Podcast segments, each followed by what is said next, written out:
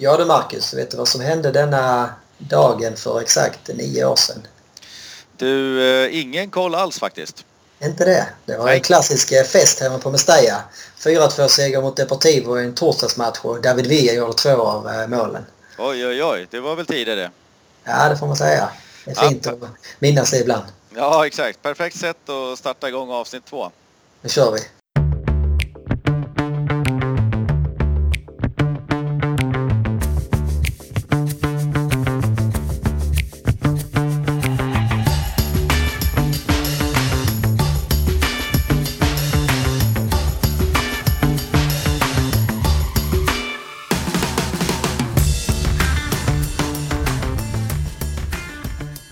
Sådär, vi överlevde första avsnittet och här är vi nu med avsnitt två. Vi vill hälsa alla lyssnare välkomna tillbaks till Valencia-podden och med mig har jag mannen som skrivit otaliga artiklar och krönikor genom åren på Svenska fans. Mannen som bodde i Valencia våren 2003 när Valencia senast vevade hem guldet. Niklas Hermansson, berätta något kul om dig själv som folk kanske inte vet.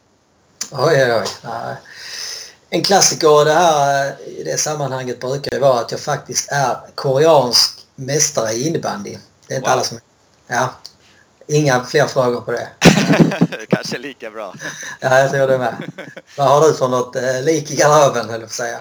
Jag vet inte. Jag eh, älskar ju mat eh, i många former och tänkte väl kanske i sådana fall rekommendera Kike da Costas restaurang Vuelve Carolina i centrala Valencia. Ligger ett oj, sten, ligger stenkast ifrån Plaza Juntament precis bakom gamla posthuset där. Fantastiska tapas. Ja, det är väl ett supertips att ta med, med sig. Ja, exakt. Om man eh, vistas i centrala Valencia är det bara att titta förbi tycker jag. Det är där man ska käka. Ja, eller hur?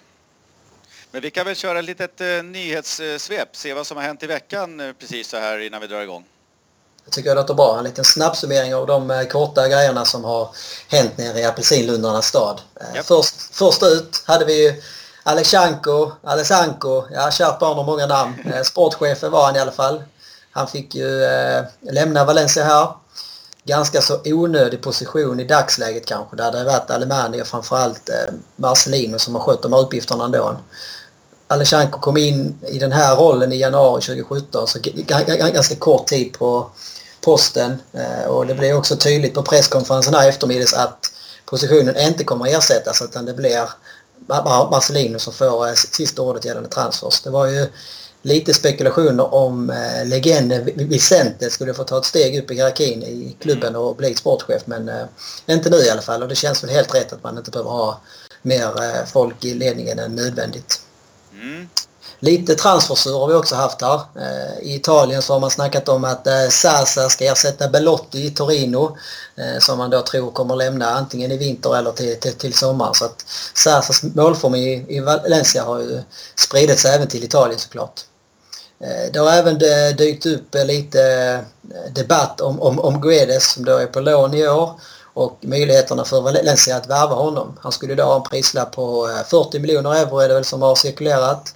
Och det har då sagts att det tyvärr skulle vara omöjligt för Valencia att få honom permanent. Jag kan ju tycka att det är lite löjlig diskussion just nu. Vi har spelat sex omgångar. Det är en lång säsong kvar och att redan nu liksom börja närmast debattera om hur man ska agera till sommaren 2018 tycker jag. Eh, det, det, kan man vänta med faktiskt. Ja, det är lite tidigt. Ja, lite så. Eh, ett annat namn som varit uppe på tapeten här är Paco Alcacer som har en tuff tid i Barca nu. Får ingen speltid.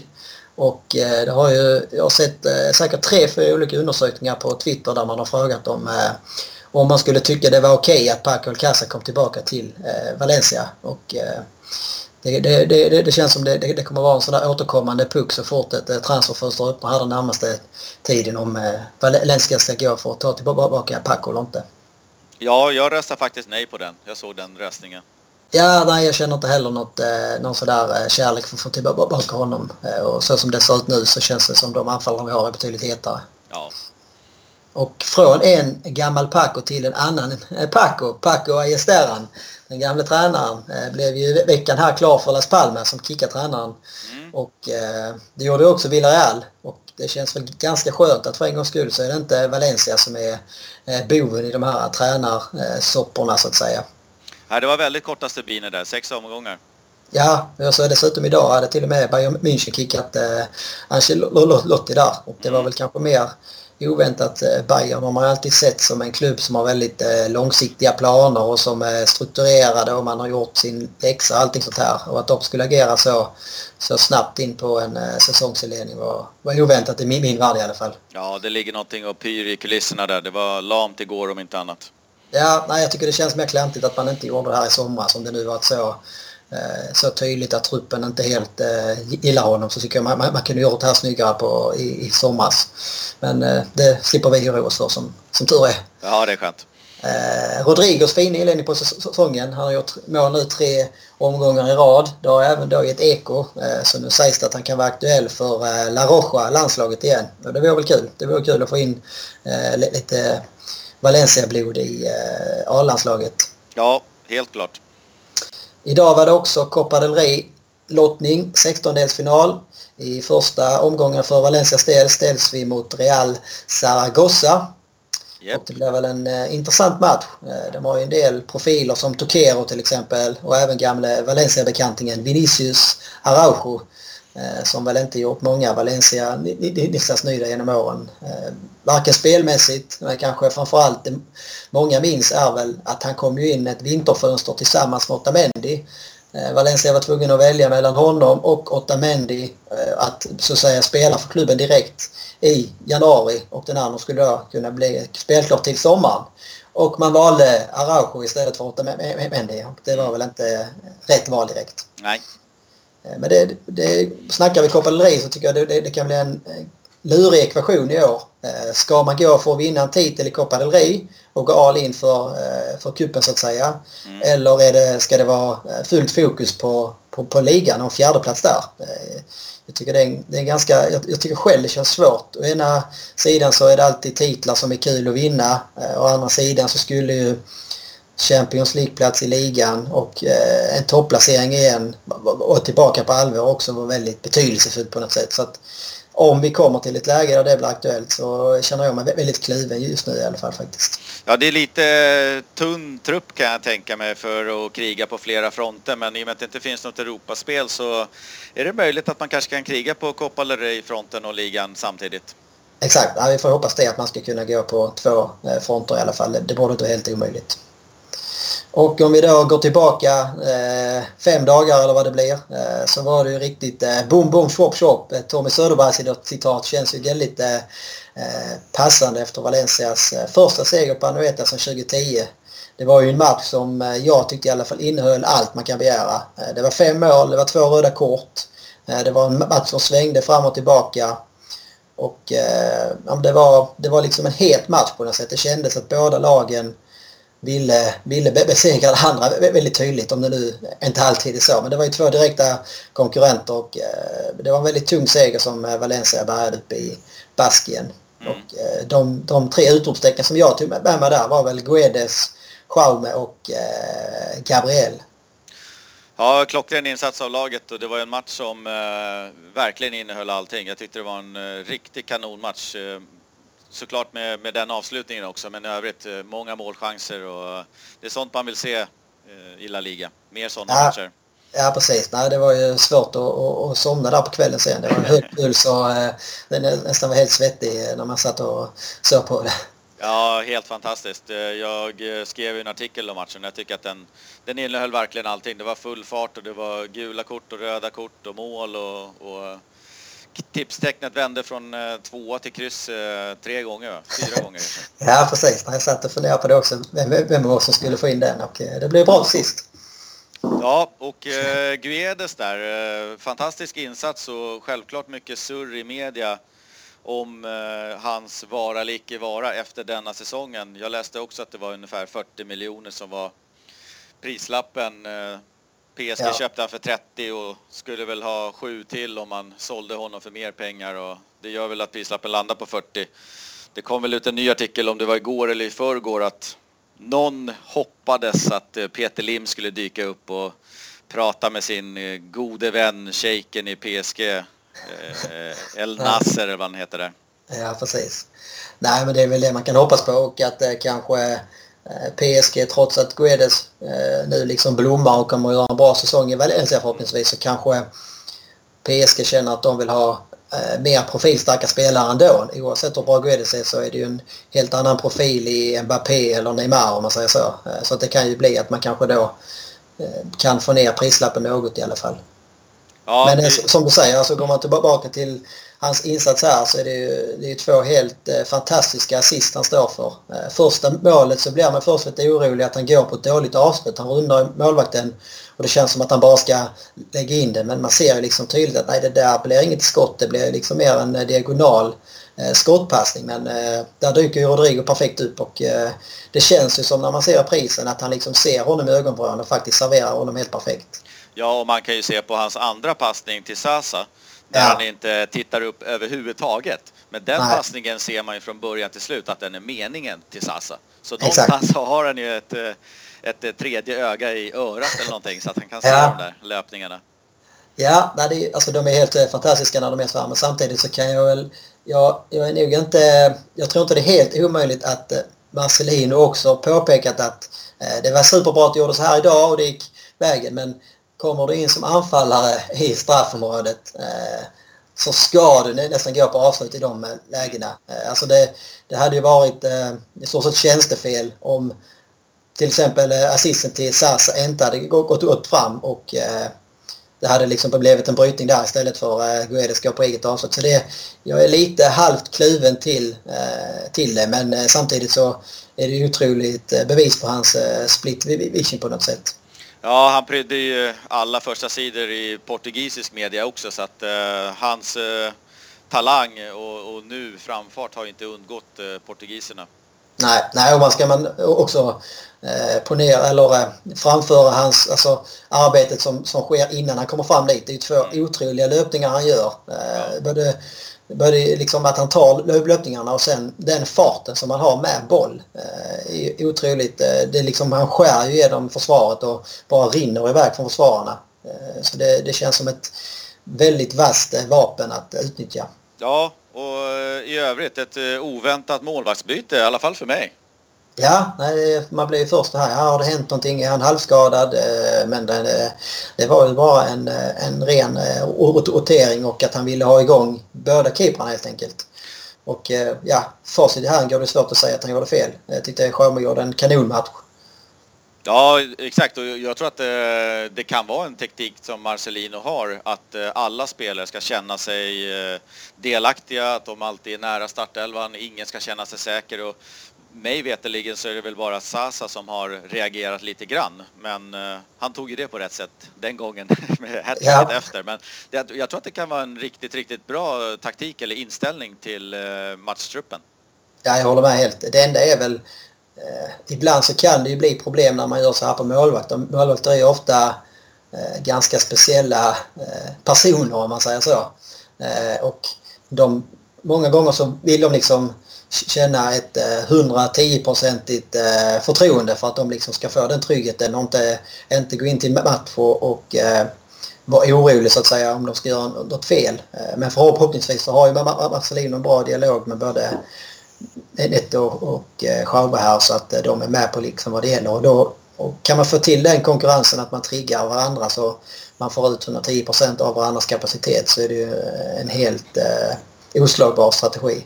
Ja, han nämnde ju det angående Domenech också, att det har ju varit en eh, oerhört positiv inställning till både bänken och, och träningar och allting oavsett om man får spela eller inte. Så att han tyckte att han var ju väl värd en chans och, och som han tog den. Ja, absolut. Nej, och det är ju en, det är en spelare från de egna leden och det är ju en riktig eh, favorit bland fansen också här och han, man ser ju på honom att han spelar alltid med hjärtat. Så att det är ju det är en spelare som det är svårt att inte gilla. Och Kondogbia, rött kort eller två gula i alla fall. Eh, rätt eller fel? Ja, alltså det... Jag tyckte det... Jag tycker Kondogbia gör inte alls en bra match. Jag tyckte att han gjorde det bra mot eh, Malaga heller egentligen. Han har sett betydligt tröttare ut här nu än han gjorde i inledningen. Mm.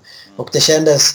Eh, det är väl det lilla negativa på Marcelinos konto. Det var väl att han inte byter ut Kondogbia istället för Solén när han gör sitt eh, tredje byte där precis innan utvisningen. För Kondogbia man hade det på känn att han kommer komma snett in i en situation till och då, då kommer han öka på det. Sen det, situationen han får sitt andra gula på kan jag tycka är löjlig för han vinner bollen först och sen att han träffar spelaren efteråt. Alltså ska, ska det vara gult kort på varje situation som ser ut så så är det ju väldigt många gula kort. Eh, men det kändes ju också som att när Sociedad fick sin utvisning då hängde det en Valencia-utvisning i luften också på något vis. Ja, han hade ju åtminstone fem Sociedad-spelare som skrek på ett gult eh, några minuter innan på honom. Eller, ja, Exakt. Andra ja. gult, så det, det, hängde lite grann i luften och som jag skrev i min artikel där efter matchen att jag tyckte Janosaj eh, har ju visat förut att han vet hur man beter sig i de där situationerna för att få det där gula också. Precis, nej men det kändes ju så att de hade koll på att han hade ett gult och han hade varit nära att få ett andra innan och då är det alltid enklare att eh, eh, liksom överdriva när, när man väl känner att det blir en kontakt. Ja, jag tror inte han fick så ont på sitt benskydd som han eh, ville göra gällande där. Nej, Nej, och det är väl också alltså, lite typiskt för den spelartypen som Condor är att man, alltså rent krasst så är det så att de blir lite tuffare bedömda av eh, domarna också eftersom de är mer fysiska och eh, det ser alltid mer våldsamt ut när de går in i de här duellerna. Eh, framförallt när det då är en sån som Janusaj som eh, ligger väl omkring 45 kilo eller något. Eh. något sånt. Ja, men det, ja, jag vet inte. Jag, det, jag tror inte... Det kanske kan vara bra också att han får eh, vila en mm. nu och eh, kan komma tillbaka sen och eh, vara utvilad och taggad för att liksom, eh, komma tillbaka till det han eh, framförallt gjorde på eh, Bernabéu där han var strålande. Ja, och eh, några sista ord om eh, Nacho Vidal som oerhört vackert chippar in 2-1. Ja, man blir ju nästan förvånad att det är en högerback som kommer fram och avslutar så kyligt. Det var ju som ett riktigt eh, David V-avslut nästan. Han, mm. Målet kommer ut och det känns som att eh, det blir, han kommer nära där men eh, liten enkel retlig chip och så är det liksom eh, 2-1. Nej, det var väldigt, väldigt fint mål. Jag tyckte han var väl värd att få göra det också. Jag tycker han gör en bra insats överlag. Och han har ju också, precis som eh, många av de andra spelarna har gjort som har fått eh, rotera runt här, tagit det helt perfekt och eh, går in nu när han får chansen från start och visar att han vill liksom slåss om en eh, plats. Ja, jättekul att han går in och, och, tar chansen. Nu blir det lite konkurrens på högerbacken också. Vi har ju en välkänd konkurrenssituation på vänsterbacken så det är bara bra tycker jag. Absolut, det gynnar alla tror jag. Är det dags för Hermans trippel och det här är ju ingenting man kan satsa på hos bettingbolagen men Niklas radar ändå upp tre saker som har fastnat på näthinnan Uh, ingen topplista, ingen bottenlista varje gång, men tre saker ska upp på bordet. Kör igång med nummer ett.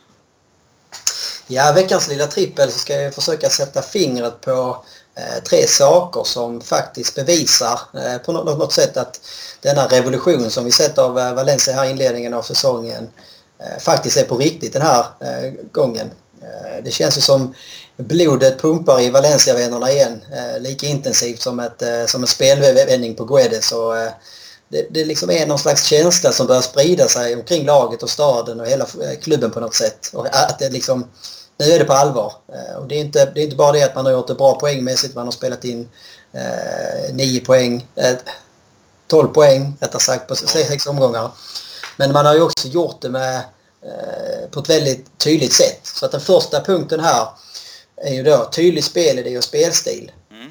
Och det är ju att varje, varje seger, varje poäng har ju sett ut på samma vis på något sätt. Eh, ett säreget och tydligt sätt. Man har en stark, säker och robust defensiv. Mm. Och sen så anfaller man eh, som kobra i omställningarna med fart och flärd längs kanterna och mycket folk som följer med och målskyttet sprids ut på innermittfältare, yttermittfältare och anfallarna gör mål. Och det känns ju som ett, eh, som ett Valencia som, som vi inte sett på kanske 10-15 år. Den här typen av spelidé och spelstil var ju till mångt och mycket det som gjorde att eh, föreningen vann ligaguld och eh, vi vann Uefa-cupen och så här eh, i början av 2000-talet. Så det, det är den här tydligheten som återigen finns. Att, eh, det, spel, det, det, är liksom inget eh, det är inget, eh, vad ska man säga, eh, glashus som, eh, som, som kan spricka känns som. Utan det känns som att det, det, man, man är på allvar.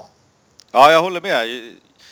Jag skrev en liten artikel om eh, Marcelino i somras när han tog över och gjorde lite efterforskningar då jag inte direkt kunde dra mig till minnes hur hans eh, spelidé var i Villarreal. Det jag kommer ihåg att han eh, lyckades liksom på något sätt maximera det han kunde, det materialet. Men jag hittade lite filmer på internet där det var någon typ av spansk rit-Ola person som hade pekat ut de sakerna som var lite säregna för Marcelino. Det, Första var ju såklart minimeringen av ytor och den stenhårda jobbet i, i defensiv press då. då.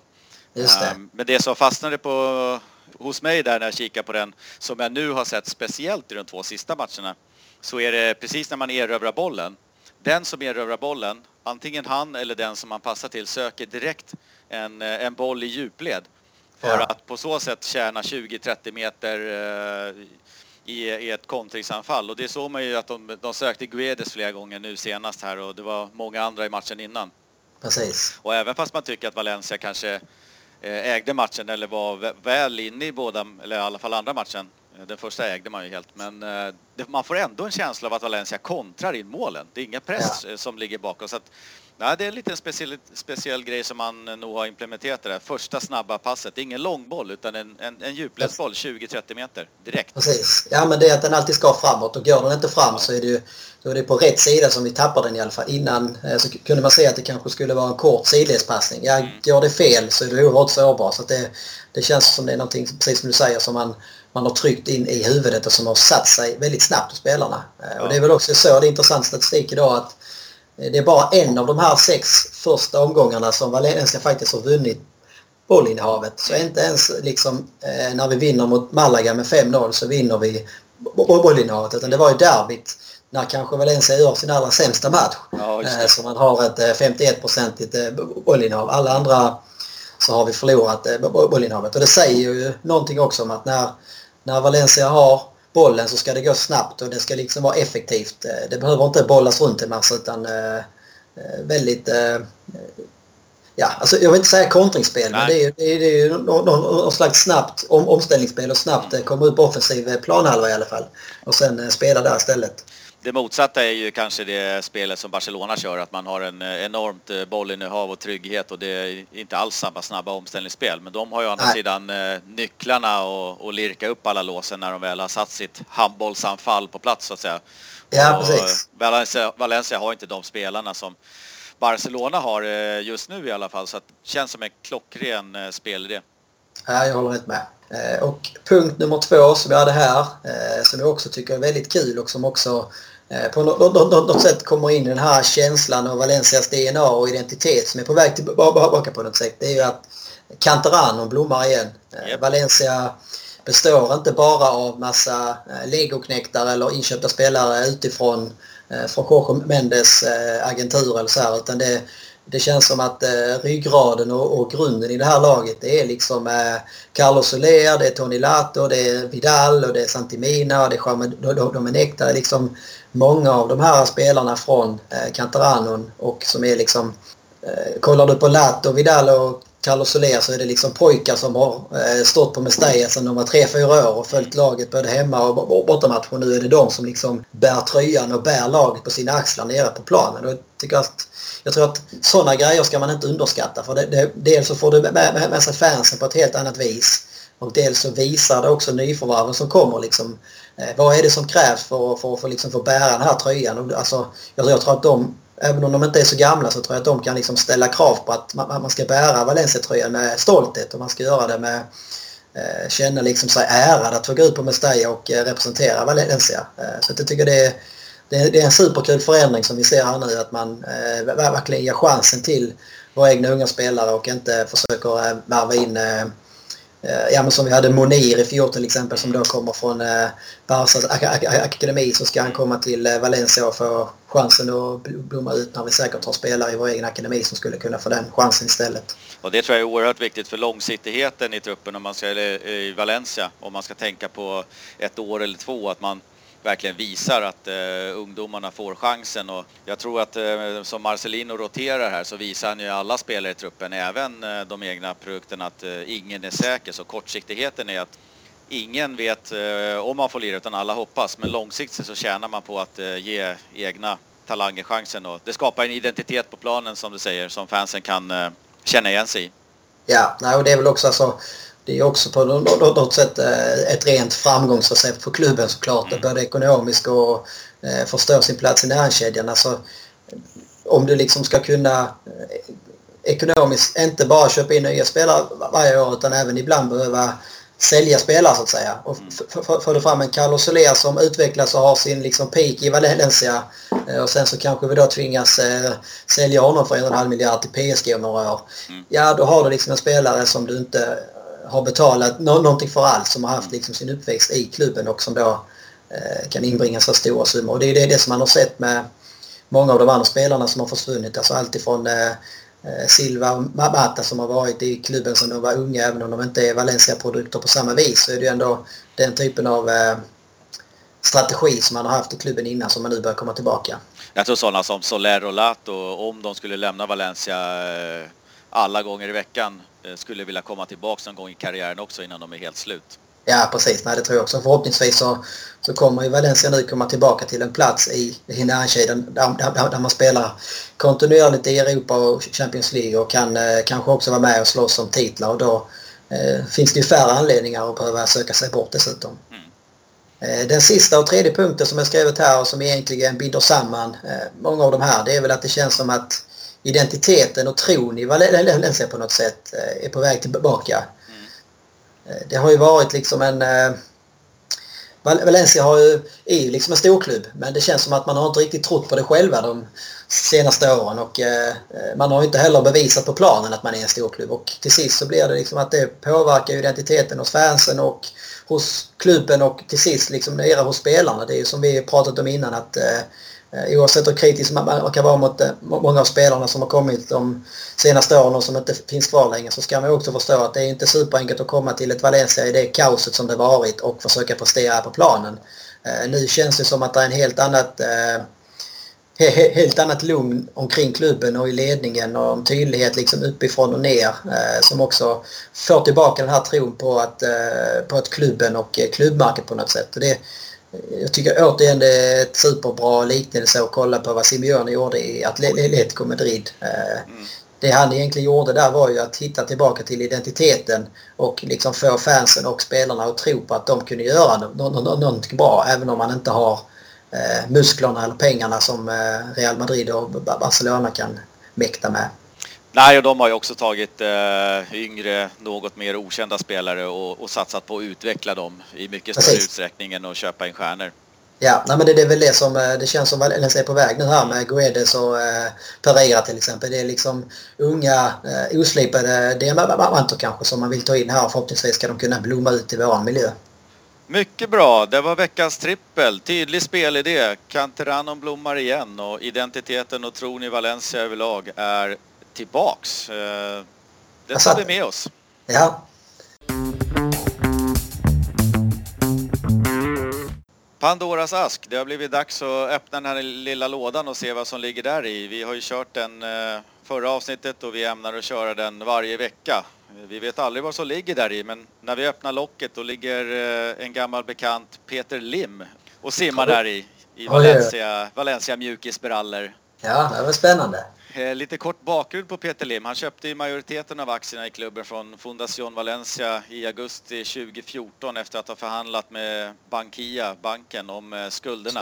De hade, klubben hade dragit på sig, de låg väl på runt 2 miljarder svenska och skulle väl högst, högst troligen drivit klubben i konkurs eh, om inte försäljningen hade skett till Peter Lim eller någon annan. Det fanns ju ett par alternativ där. Projektet Nomestaya skulle ta fart igen. Klubben tog sikte mot Europatoppen men sen började en fars utan dess like med Lei Hun Chan, agenten Jorge Mendes och Peter Lim i huvudrollerna som egentligen ledde laget rakt ner i botten och glädjen över Peter Lims köp 2014 förvandlades egentligen på ett år mm. till en eh, nattsvart mardröm och spolar vi förbi de sista två mörka åren så ser vi väl så ser väl de flesta valencianistas nu lite ljus i tunneln trots att Peter Lim är kvar. Vad har vi honom idag någonstans? Ja, det är ju en eh, ganska så svår fråga att svara på skulle jag säga. Eh, men jag är ju helt enig om din introduktion att det blev ju en, eh, det blev liksom som en riddare som kom in på en vit häst från början. Eh, alla var väl lite sådär lagom naiva också eftersom att vi var i den sitsen vi var och inte kunde liksom välja och vraka mellan miljardärerna som ville investera hos oss och då, då var man väl inte supertydlig i sin egen eh, research heller som, som klubb liksom vad han, vad han hade för intentioner med klubben utan man köpte ju de här planerna som han pratade om att han skulle färdigställa arenan och man skulle ta Valencia tillbaka till Europatoppen och så här. Eh, och sen så hamnar han ju i en mörk negativ spiral. Alltså det började ju bra med Nunos första år. Vi kom tillbaka till Champions League. Vi fick liksom profiler till klubben. Mm. Men sen kunde man ju inte, minsta lilla motgång som kom där, kunde man inte hantera. Sen så blev ju det ena kortsiktiga beslutet efter det andra som bara gjorde liksom att istället för att det blev någon slags eh, plåster på ett sår så grävde han ju bara sin grop djupare och djupare. För varje beslut han tog så blev situationen ännu värre. Eh, och det, på något sätt så får man väl ändå ge honom att han, han kanske själv eh, insåg det här i våras eller somras på något sätt att, att han inte har den kunskapen för att kunna hantera en fotbollsklubb och sköta en fotbollsklubb utan har nu liksom lämnat över de eh, mer operationella rollerna till personer som, som har gjort det här för och som kan Spanien och som kan, kan fotboll. Ja, det måste nästan varit ett vägskäl i somras med alla de protesterna och Leihons misslyckande där han kände att eh, antingen så, så säljer vi klubben eller så, så gör vi någonting annat och jag hoppas att han valde rätt väg här nu med någonting annat då. Ja, precis. Nej, men Eh, det är väl fortfarande, jag tror att det är väl många som liksom är väldigt kluvna till Peter Lim än, även om vi nu fått en bra start på säsongen och vi känner liksom att han har gjort ett bra val med tränare och eh, har lämnat över en hel del av eh, sin makt får man väl ändå säga här till Marcelino och Alemani kanske framförallt som, som känns som mer lämpliga att styra ett Valencia än, än kanske Leihun och Gary Neville till exempel var. Ja, och jag känner lite grann att eh, Karn är ju rik. Han är väl god för en eh, 20 miljarder svenskar någonstans. Så tittar man på de andra shejkerna runt om i Europa så investerar ju de något kopiöst med, med pengar från eh, arabvärlden och oljepengar i sina klubbar. Och det känns som att Peter Lim och kanske P, nej, eh, Malagas shejk de köpte klubbarna men det investeras inte så mycket. Har han plöjt ner några pengar i klubben? Ja, det är det som många frågar sig. Liksom, vad, vad vinner han på det här om man säger så? Eh, det har ju varit eh, fram och tillbaka och eh, många frågetecken ställdes väl liksom när, eh, när Jorge Mendes var inblandad. Hur mycket, eh, för det, det alla förstod och som är väldigt tydligt såklart det är att alla transaktioner som Mendes var inblandad i tjänar i Hampe och e-, ett tag så var det nästan Mendes som var liksom sportchef i Valencia på något sätt. Och det blir ju väldigt fel när en agent ska agera sportchef som hans syfte och vinning det handlar om att göra transaktioner. Det handlar liksom ja. om att köpa och sälja hit och dit och inte att bygga något långsiktigt eller att spelarna och klubben ska få ut någonting av det utan det är att eh, eh, pengarna ska ramla in på sitt konto så att säga. Och då är det frågan, har Lim någon slags eh, kommission där också? Eh, sen har det aldrig bevisats och eh, det är kanske o, o, oklart om man har det eller inte men jag har också precis som du svårt att se ett vad han har tjänat på det här och två hur mycket pengar han egentligen själv har pungat in med här eh, genom åren. Nej, det kändes som att han kanske blev någon typ av eh, garant för lånen. Jag, jag har sett eh, papper och, och, bilder på papper snarare eh, på internet som eh, visar på några typer av avbetalningsplaner och lite sånt där. Men det känns inte som det är några summor som man kräver en extern finansiär för att behöva liksom pynta av utan det känns som att han, alltså klubben pröjsar av dem. Ja, nej, och det, ett av hans stora eh, löften var ju också att han skulle då återuppta bygget med Nomestaja och den skulle ju stå klar eh, senast 2019 igen. Mm. Eh, och det är väl ett löfte som han eh, kommer få eh, backa på. Ja. Eh, Laihun gick ut så sent som i vintras och sa att den planen får, fortfarande vara aktuell. För att i andra andetaget säga att fast det kanske kommer krävas att vi spelar, jag tror det var tre stycken Champions League-omgångar eller vad han sa. Eller, alltså tre Champions League resor om man säger så. Eh, och då är vi ju ganska mycket längre fram än 2019. Och sen är väl fråga två när det kommer till stadion är väl om, om man ens kan fortsätta. Det har ju stått stilla sedan 2009. Ja. Och eh, det är, det är inte så direkt att det, det står skyddat under ett tält utan det har ju stått som ett skelett i, i alla typer av väder och vind så det är inte säkert att det är, det är möjligt att liksom kunna göra något av det. Ja, men den nya Peter Lim han var ju ändå på sista veckan av transfermarknaden så flög han fram och tillbaks mellan eh, Paris och London om jag förstod det hela rätt och förhandlade om Pereira och Guedes och drog i personliga kontakter med PSGs Sheik och lite sånt där och såg båda första matcherna på plats. Är det en liten ny Peter Lim vi har ändå? Ja men det ser det ut att vara. Det får man ändå ge honom. Och det är väl också, för jag tror att det som många av oss liksom har har, har krävt av honom det är väl egentligen att, att han ska visa vad han vill och visa någon slags tydlighet. Eh, antingen så sälj klubben liksom eller så gör någonting. Och eh, det har han ju faktiskt gjort i sommar. Han har ju valt, precis som du var inne på, han har ju valt en, en väg här att eh, ta in eh, etablerade tränare, hjälpa till att få in de spelarna som tränaren vill ha och dra i sina kontakter. Och det har ju blivit lyckat än så länge så förhoppningsvis så är det väl en ny era med Peter Lim som också inleds här nu 2017. Ja, det är ju lite en uh, hatkärlek som många fotbollsfans har till uh, fotboll och pengar. Jag vet inte om jag per default skulle vilja välja en miljardärs miljarder som ramlar ner i klubben när man spenderar till höger och vänster som City eller om man uh, i den bästa av världar kan välja ett Valencia som bygger från grunden med ena spelare. Det är klart man tar den andra varianten såklart om, om båda i slutändan blir lika framgångsrika. Ja, nej, men det är så. Det är, väl det, alltså det är väl det som också jag tycker känns bra. Alltså som jag var inne på i trippeln med den här äh, förändringen som vi ser i år. Det är ju liksom att nej, men det är inte så att vi köpte 20 nya spelare i somras så att de nu kommer in och, och levererar. För det var väl lite så det egentligen var med Nunos eh, bygge om man säger så. Det byggde ju mer på de här namnen som kom in och som eh, som skulle göra det för Valencia på något sätt. Nu är det mer en kombination eh, som vi var inne på med egna spelare och eh, spelare som varit i, i, i klubben ett, eh, flera år. Plus att man då, de man har tagit in, ja men det är faktiskt rena spetsspelare som, som liksom eh, ska gå in och, och, och, höja laget och höja de andra och vara ny, nyckelspelare. Och dussinlirare ska vi liksom inte köpa in utifrån utan då, då, då fyller vi på eh, från de egna eh, leden på något sätt. Så det, det tycker jag känns positivt. Och det är väl det som också känns eh, tryggare med Peter Lim nu. Att han, han kanske också har eh, lärt sig på något sätt och fått eh, bättre rådgivare. Ja, kan vi nå framgång med den vägen som eh, Valencia börjat vandra på den här säsongen så, så är det klart att föredra. Men jag har en sista fråga.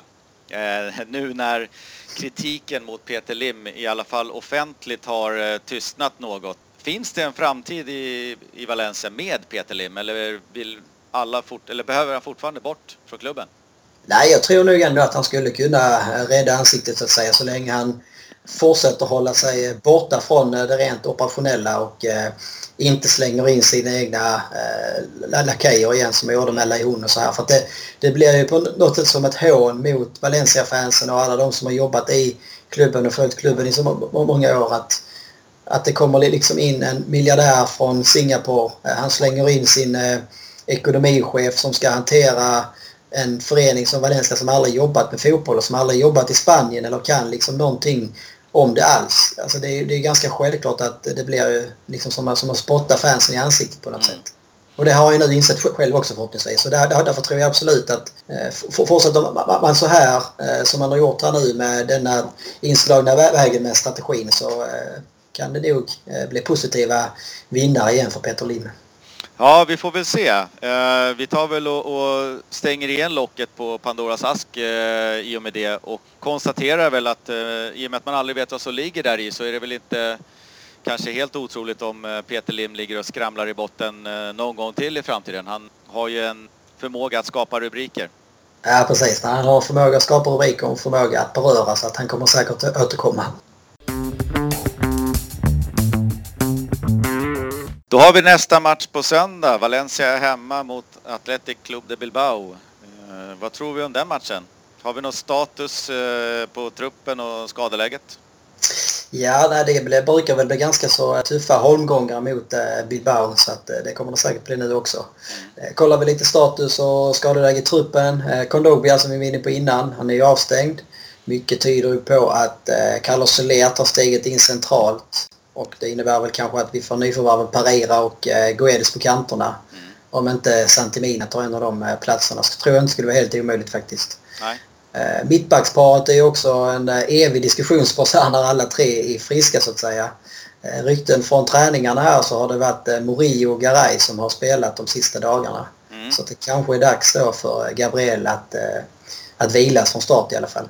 Och så är det väl också eh, intressant att se hur han väljer på målvaktssidan. Eh, fortsätter Domenech eller är det Nette som kommer tillbaka och eh, startar? Det, det ska bli intressant att se. Det har ju varit lite skadekänning tydligen på Gaia, Guedes och Rodrigo här i början av veckan men eh, alla rapporter säger att de har varit i full träning här idag och eh, ska vara fit för fight i helgen. Så att den, den skadan som är mest oroväckande och eh, osäker det är väl eh, Marcelinos eh, streck. Eh, det var ju väldigt kul att se, eller kul att se och kul att se men de som inte såg det så var det ju efter Sassas avgörande 3-2 mål i 85-50 minuten som Marcelino eh, sträckte baksida lår och eh, haltade betänkligt runt eh, de sista minuterna. Ja. Annars statusen annars så kan man väl säga att vi kommer in i ett viktigt skede här av säsongen på något sätt. Spelschemat ser tufft ut här framöver där vi ställs mot eh, direkta konkurrenter i toppstriden. Eh, Börjar med mot Bilbao hemma. Sen har vi ett landslagsuppehåll förvisso. Eh, sen så får vi tufft direkt. Börjar borta mot Betis som kanske är det lag som jag personligen tycker imponerat mest än så länge i ligaspelet faktiskt. De spelar otroligt fin och framgångsrik fotboll. Och efter det väntas VM på, Mestalla. Så det är ju tre omgångar här som kommer bli eh, ja, avgörande. Det är kanske svårt att säga det är i oktober men det, det, det kommer att bli ett eh, tydligt bevis på var, var denna truppen står och eh, om det liksom är smekmånaden över nu eller är det liksom, eh, menar man allvar? Ja, Sevilla hemma, eh, den ska jag faktiskt eh, inspektera på plats på Mestalla. Alltså är det så? Ja, det blir nog en riktigt häftig match. Ja, och Bilbao där, det är ju en på förhand i alla fall en förmodad konkurrent om topp 7-platserna så det är oerhört viktigt att, att, visa sig där och kanske kan passa, på, passa bra nu när de eh, spelade ikväll också i Europa League. Ja precis, Nej, men det känns ju också som att de har en svag form. De, eh, precis, de förlorade ikväll mot de här Sasha eh, i, i Europa League och det var ju samma lag som Östersund slog på bortaplan och Bilbao förlorade eh, på hemmaplan. Och eh, förra helgen så kryssade man ju mot Malaga eh, 3-3 och det är väl heller inget resultat som imponerar. Det var ju Malagas eh, första poäng. Så att eh, det känns kanske som att Atletic hade en bra säsongsinledning men formen dalar lite grann här. Det var ju lite grann samma läge som Sociedad hade inför förra helgen. Ja, vi får se hur det går. Det brukar alltid vara riktigt bra matcher mot Bilbao och det hoppas vi väl på att det blir igen fast med såklart en seger då. då. Ja, nej, men det kan bli intressant att se om man kan få fortsätta hålla eh, nollan hemma på Mestalla också. Eh, tre hemmamatcher i rad här har man ju eh, 1-0, 0-0 och 5-0 så man har ju väldigt bra hemmastatistik so far. Ja, so far. Vi får hoppas att det fortsätter och vi slänger oss väl raskt på våran lilla tipstävling där vi kör en eh, scorecast. Vi tippar eh, resultat och första målskytt. Ett poäng för rätt tipstecken, ett poäng för rätt resultat och ett poäng för rätt målskytt. Och du tippade på Valencia-vinst förra veckan så du eh, sitter med ledningen här. Ja, det blev bara ett, ett poäng. Mm. Jag tyckte, det, jag tyckte man, man, man kunde stängt, eh, stängt butiken när man hade 2-1 där. Eh, ja. onödigt 2-2 och sen så skulle Sasa såklart göra 3-2 så det var ändå skönt att jag fick en poäng och eh, vi fick en seger. Ja, när man leder då tycker jag att man får börja med sitt tips. Ja, det tycker jag det. Mm. Ja, den här omgången så går jag ut starkt. Jag säger 3-0 och jag tror att det är dags för Guedes att göra mål nu så att han gör första pytsen. Okej. Okay. Det tackar vi ja till, den kan jag köpa. Ja. Jag går lite mer blygsamt fram. Jag tror att eh, Marcelino eh, försöker stänga butiken på ett helt annorlunda sätt. Jag tror att han månar väldigt mycket mer om försvaret. Eh, och eh, det blir en 1-0. Eh, och jag går återigen på Carlos Soler som målskytt. Ja, någon gång är det ju dags. Någon gång är det dags. Men jag tror faktiskt, här är vi ju oense om man nu kan, kan uttrycka det så. Men jag tror faktiskt att vi har ett landslagsuppehåll som väntar. Jag tror att eh, spelarna och Marcelino känner att, äh, vad fan, släpp tyglarna, släpp handbromsen, bara kör här nu. Vi har liksom, vi, vi, kan vila här en hel ve ve vecka efter. Så jag, jag, jag, tror man kommer gå ut och bara explodera på Mestalla. Jag hoppas att du har rätt. Ja. Så här avslutningsvis så vill vi, eller vill jag som vanligtvis pusha på Facebook-sidan. In där och likea och följ oss. Vi lägger upp de nyheter som finns. Eh, vi har även ett Twitterkonto. Båda två heter Valencia-podden. Sök gärna upp oss där, följ. Vill ni komma i kontakt med oss så gör ni det på Facebook. Eh, ni mejlar oss på valenciapodden gmail.com. Vi finns på Svenska fans hemsida, podden alltså, och den finns även på iTunes och vi jobbar febrilt för att få upp den på Acast så att det blir lättare för er med eh, bland annat Samsung-telefoner att eh, höra podden. Vi Just går det. ut med information på Facebook och Twitter så fort vi har lyckats med det konststycket. Ja, jag vill väl bara tillägga att vi, har, vi hoppas att vi ska kunna komma ut här varje fredag och kunna vara en liten smällkaramell till er inför helgen att njuta av. Helt klart och med det så tackar vi väl från oss. Eh, det var jättekul att spela in eh, avsnitt nummer två och vi ses eh, på avsnitt nummer tre. Hasta luego! Hasta luego!